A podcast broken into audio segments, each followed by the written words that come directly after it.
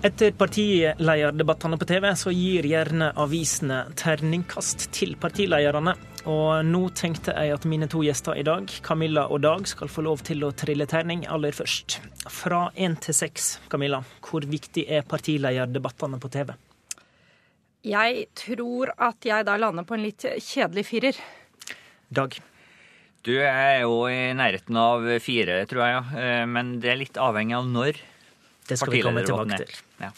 Jeg har besøk av Camilla Ryste, kommunikasjonssjef for Arbeiderpartiets stortingsgruppe, og Dag Fedøy, kommunikasjonsrådgiver for KrFs stortingsgruppe. Og dagens tema er da partilederdebattene. Og vi i eh, Politisk kvarter-redaksjonen vi forstår og innrømmer at partilederdebatter på NRK1 er et lite hakk viktigere enn det som skjer i P2s radiostudio på morgenen. Og som du sier, Dag, eh, og er inne på, nå er vi jo egentlig litt utafor sesong. Disse debattene er aller viktigst i valgkamp. For å ta de periodene der, da. Hvor mye vekt legger dere på dem da? Nei, så Vi legger jo ganske stor vekt på partilederdebattene. Eh, all den tid, altså, Særlig når det sendes i debattentida, så er det ganske mange seere. Går på NRK1, eh, som er den største og TV-kanalen som har flest seere. Så vi, vi, legger jo mye vekt på det. Så vet vi jo at den politiske pressen følger jo det her. Og det skrives om det her i etterkant. Det kan skje ting i debattene som eh, har betydning. Og det setter litt sånn eh, politisk tema også mellom valgene. Sånn at det, eh, vi bruker god tid på partilederdebattene også mellom valgene sånn som det er nå. Men da mener du også at i valgkamp så er det viktigere enn terningkast fire, da? Ja. Da kan det være fem, seks og kanskje til og med. Eh, altså Når man skriver om det i alle tabloidaviser, om det legges ut på nett og sånn, hvordan man har gjort det. og Hvis man har hatt en eller annen kommentar som har festa seg, så blir den jo betydelig omtalt. Eh, og det kan være med å Om en ikke vipper kan si, valget, så kan en sette kan si, en noen debatter og gjøre at man blir mer eller mindre valgbar. Mm. Nå eh, sitter vi og spiller inn denne podkasten eh, torsdag eh, formiddag. Vi er da elleve timer unna en partilederdebatt på NRK1 som da, som da skal gå nå, litt utafor sesong. Hvor viktig er den, den i dag, da, Camilla? Så Det er alltid viktig å møte godt forberedt i partilederdebatter. Det er en krevende øvelse, tror jeg. Selv for de mest erfarne kan det være utfordrende. Det er mange med. Mm. Det er mange som eh, har mye de skal ha sagt. Mm. Eh, både om seg selv og om hverandre. Mm. Eh, det kan komme overraskende temaer. Eh, jeg tror vi har som regel ganske god oversikt over hva vi tror kommer fra de andre, og hva vi selv ønsker å få frem. Ja, For nå elleve timer under debatten, så vet dere hva som er tema? Det vet vi, og vi bruker ganske mye tid på å snakke med dine kollegaer i NRK. Mm. Eh, de liker også å ha ganske god oversikt over hva vi har tenkt til å si. Mm. At, eh, og det handler vel om å få en best mulig debatt, egentlig. Som er opplysende for de som ser på den, og hvor ja, hvor dialogen eh, fungerer, og man får belyst temaene på en ordentlig måte. Mm. Men du, var, du, begynte å snakke litt om det. Hva er det som gjør dette eh, formatet da, så utfordrende? Nei, det er jo eh, mange med. Eh, I dag er det åtte åtte Syv partiledere og én nestleder. Ja. Eh, de liker alle Fungerende.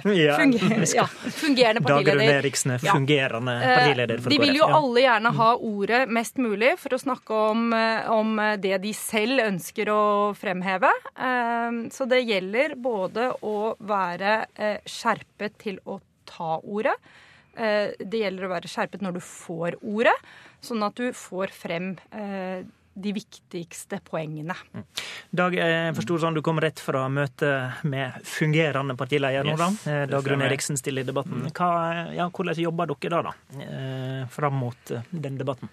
Nei, så Vi jobber jo kan si, veldig bevisst opp mot temaene sånn, i den fasen her. Vi, nå har vi hatt litt kort tid til å forberede også pga. både pinse og 17. mai. Mm. Så det er altfor tidlig å begynne å planlegge for nøye Eh, uka før. Mm. Og da vet vi ikke heller temaene helt, selv om vi fikk et sånn eh, heads up. Ja, og, nå, og nå, per nå ja. vet du at i, i kveld er viktigste tema? Eh, arbeidsledighet eh, og økonomi. Ja. Hvordan jobber ja. dere da? Er det, hva, hva trener dere på i? Er det fakta, er det formuleringer, er det anekdoter, er det mulige svar på angrep, eller hva, hva sitter dere og driller på? Liksom? Ja. Altså For det første så henter vi inn eh, finansfraksjon, og vi, henter, vi har også henta inn næringsfraksjon. Mm. Og så har man jo med kommunikasjon og personlig rådgiver. Altså rådgiverne på Stortinget? Ja, rådgiverne på Stortinget. Ja. For fagfolka, de som har sittet, og de som har litt oversikt over hva vi har gjort over tid, og veit òg hva som rører seg. Eh, og det vi gjør, er jo kan si, å gå inn i kan si, situasjonsbeskrivelse, selvfølgelig. Hvor er vi nå? Hva har vi, hvordan er Mye av det her har vi jo fra før av. Altså, hvordan ser landet ser landet ut? Ja. Hvordan er arbeidsledigheten? Hva er mm. tallene nå? Mm. Eh, og så har jo KrF eh, nettopp fremma en eh, pakke mot arbeidsledigheten. Sånn at vi går inn i detaljene i den. På, på deres egen politikk? På sånn egen sitter, politikk, ja. ja mm. Sånn at vi veit si, hvor, hvor, vi ligger hen, og hvor, at det sitter. Eh, nå er jo Dagrun Eriksen veldig inn i det. Hun hadde en landsstyretale mm. nettopp om eh, arbeidsledighet. og mm. ja. Så det blir en sånn repetisjon for eksamen, da? Jo, litt, det er litt det. Men så er jo situasjonen helt annerledes. Når du står på en talerstol, så ja. har du jo full kontroll ja. på eget budskap. Når du er i en debatt, så vet du aldri helt hvor debatten kommer. Og det vi òg må være opptatt av, er hvor kommer KrF inn? Vi, jeg tror det er litt annerledes for Arbeiderpartiet, mm. som er et uh, betydelig større parti enn oss. Mens KrF eh, er et parti som må manøvrere seg inn eh, i debatten og være aktuell. Camilla, hva planlegger du for sammen med Jonas Gahr Støre? Nei, altså, jeg tenker i, når, Om forberedelsene våre, så det er jo veldig hyggelig at uh, vi rådgivere og kommunikasjonssjefer uh, får lov til å ha en egen podkast og snakke om vår rolle i dette her. Mm. Men jeg pleier å beskrive det sånn når du er partileder, så er det politikkens uh, toppidrettsutøvere. Eh, som spiller eh, i elitedivisjonen. Og akkurat som, eh, som, de beste idrettsutøverne, så er det utøveren selv mm. som må gjøre jobben. Eh, vi er eh, teamet rundt. Vi er mm. støtteapparatet som bidrar inn. Mm. Eh, og det tror jeg er litt viktig, fordi det, av og til så det, lever det litt sånn myter om at alle disse mm. rådgiverne som driver og bestemmer hva politikerne skal si og gjøre. Du er mer fysioterapeuten enn manageren, da? Er det det du mener? Absolutt. Jonas er både utøver og manager selv. Og det, det, det, det er et viktig bilde å få frem, syns jeg. Så begynner dere, vi ofte med at han Eh, at vi går gjennom temaet, snakker gjennom det. Han gir sine bestillinger til oss okay. i støtteapparatet. Eh, sier at eh, nå trenger jeg eh, fakta på det og det, jeg trenger det og det dokumentene. Og denne argumentasjonen skal vi kanskje jobbe litt mer med frem mot denne debatten. Så kommer vi tilbake, og så har vi en ny runde hvor vi går gjennom det, og han eventuelt gir nye bestillinger som vi da jobber med. Og sånn holder vi på i noen runder før vi da er eh, helt klare, eller før han er helt klar til å gå ut på mm. arenaen. Camilla, av, um, av, motstanderne og i media så blir jo gjerne din partileder angripen for sin stil, eh, for at den er mm. uklar. Mm. Tåkefyrste og vinglete og merkelapper fra Ap sine konkurrenter. Mm. Hvis vi skal formulere den stilen litt mer positivt, så kan vi kanskje si at han liker å tegne det store bildet og en slags, har en litt sånn visjonær stil. Eh, hva tenker du da om hans styrker og svakheter i et slikt format som partilederdebatten er? Altså, det er helt riktig at det er veldig mange, eh, både av kommentatorer i media og av våre motstandere, som har veldig mange meninger om Jonas. Om hvordan han er, og ikke minst hvordan han burde være. Eh, det tror jeg ikke er uvanlig for en Arbeiderpartileder. Sånn har det vært for Arbeiderpartiledere tidligere også. Mm. Eh, det handler nok litt om posisjonen Arbeiderpartiet har i samfunnet også. Eh, så eh, tror jeg at det er veldig viktig at man eh, må være seg selv. Også som toppolitiker. I lengden så er det det eneste som duger. Alt annet blir tilgjort og inngir da ikke tillit hos velgerne, som er jo det politikere lever av. Så dere blir ikke stressa av at han har litt den stilen vi skildrer her? Nei, det gjør vi ikke. Jonas har kanskje en litt annen stil enn en del andre politikere som, eh, som er mer slagordpreget. Uh, mer talepunktdrevet, som jo jeg da vil kalle i hvert fall deler av, uh, av, de som sitter i regjering nå. Du merker at de har sittet i regjering en stund. Uh, de har drilla talepunkter fra Finansdepartementet, og de sier stort sett det samme, alle sammen. Der har Jonas en litt annen stil, og jeg tror egentlig at det er en styrke. Hvordan trives han i det, i det som Dag skildrer her, da, med litt sånn, litt sånn hønsegården der åtte slåss om, slåss om ordet? Jeg tror Jonas trives i det også. Men man må se på det som eh, For å gå tilbake til idrettsmetaforen jeg hadde her i sted. Mm. ikke sant? De er toppidrettsutøverne, og de konkurrerer i en slags eh, tikamp frem mot et valg, mm. hvor partilederdebatten er én av grenene. Og det er en viktig gren, selv om jeg bare ga det terningkast fire innledningsvis her, så skal mm. man ikke undervurdere det. Mm. Eh, både fordi du når ut til, til mange, og prestasjonen din har også litt å si på, særlig når vi er i valgkamp, så tror jeg det kan ha litt å si på moralen i laget. Mm. Selvfølgelig alle som sitter og ser på, som er medlem av Arbeiderpartiet, vi har 56 000 medlemmer ikke sant, som er ute, driver valgkamp for oss, de vil jo gjerne at deres mann skal gjøre det best og gjøre det bra der. Så det, det, det skal man ikke undervurdere. Og da, da er det viktig, som sagt, å, å beherske den grenen også. Jo, altså jeg, jeg, tror det er veldig viktig at Jonas er Jonas og er seg sjøl. Eh, selv om man da kan si får angrep. Og det er ikke bare en negativ ting å få angrep mot seg. Altså, eh, jeg, jeg, som eh, et lite parti så vil vi veldig gjerne bli angrepet også. For da får man muligheten til å svare. Ja, ja men det, det, det, det, er jo litt sånn det er. Eh, Arbeiderpartiet og Jonas er jo veldig heldige kan si sånn sett, for de vil jo alltid få angrep. Det, ja, det verste er jo å bli usynlige. Ja. Da, da, da, når du ikke ut til velgerne dine. Du må jo være ja. til stede og synlig. Og så må du bruke da styrkene og svakhetene til partilederne. De er jo ulike personer med ulike styrker og svakheter. Eh, det er litt sånn som med Drillo.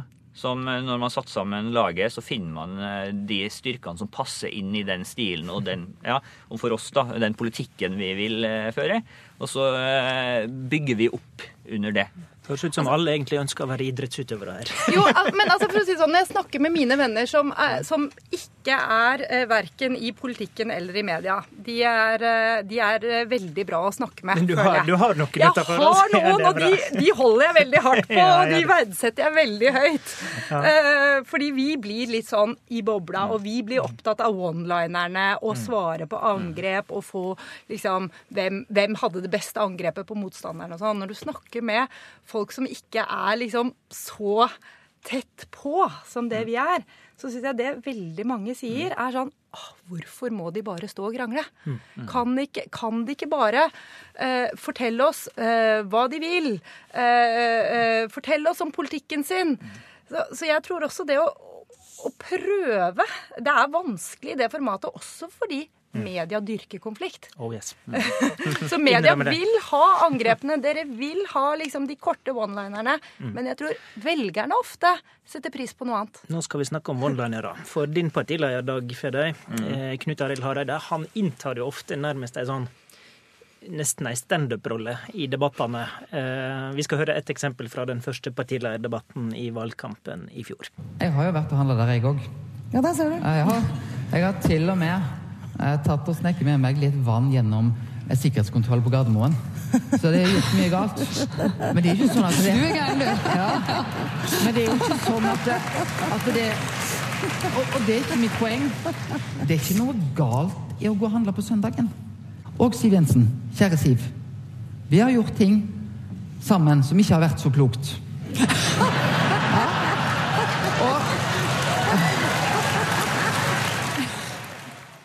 Hvor mye jobber dere med dette?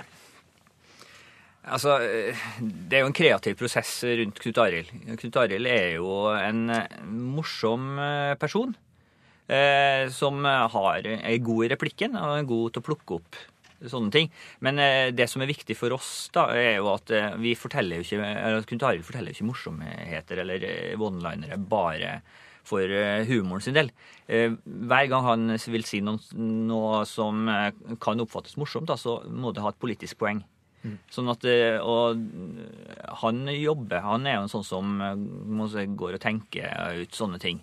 For det, det, det, det kommer fra hans eget haud? Veldig mye kommer fra hans eget hode. Og så er det jo en sånn uh, dialog skriver med rådgivere. Skriver du òg vitser, liksom? Nei. vi skriver ikke vitser for Knut Arild. Knut Arild han, han timer det her veldig fint sjøl når han vil inn på noen sånne ting. Og av og til så er han jo ikke morsom heller i debatter. Det er helt avhengig av hvordan dynamikken er. Eh, men han er en fleksibel eh, mann som er god når det gjelder. Men, og men, han er ikke den som heller har mest ordet i debattene, som regel. Og da gjelder det å være ja. sharp det. Men han er jo spissformulert, og han er, god når det gjelder. Og det, jeg tenker det er noe som er viktig å tenke på i debatter også. Det handler ikke om å ha ordet mest og Nei. lengst tid. Men han får, jo, han får jo ofte godt betalt av de som triller terning. Fordi, ja. Kanskje gjerne også fordi han er morsom. Men, mm. men en ting er jo å få folk til å le. Du skal jo eh, også overbevise folk om at du har seriøse løsninger også, tenker jeg. Mm. Er det et tvega sverd da, som dere diskuterer? Absolutt. Det er et tvega sverd, og det må vi jo hele tida tenke på. Knut Arild har jo det her i, i hodet hele veien. At eh, balansegangen her. Eh, sånn at eh, det viktigste for oss er å få frem politikken vår. Eh, ikke å fortelle vitser som blir lagt merke til, og som får høye terningkast. Eh, så, Tror dere den stilen betaler seg på sikt, da? Eh, Knut Arild sin stil med å eh, kjøre målene? Ja, altså, han, han blir lagt merke til. Og politikken vår blir lagt merke til. Og, og, det er jo en kamp om oppmerksomheten her.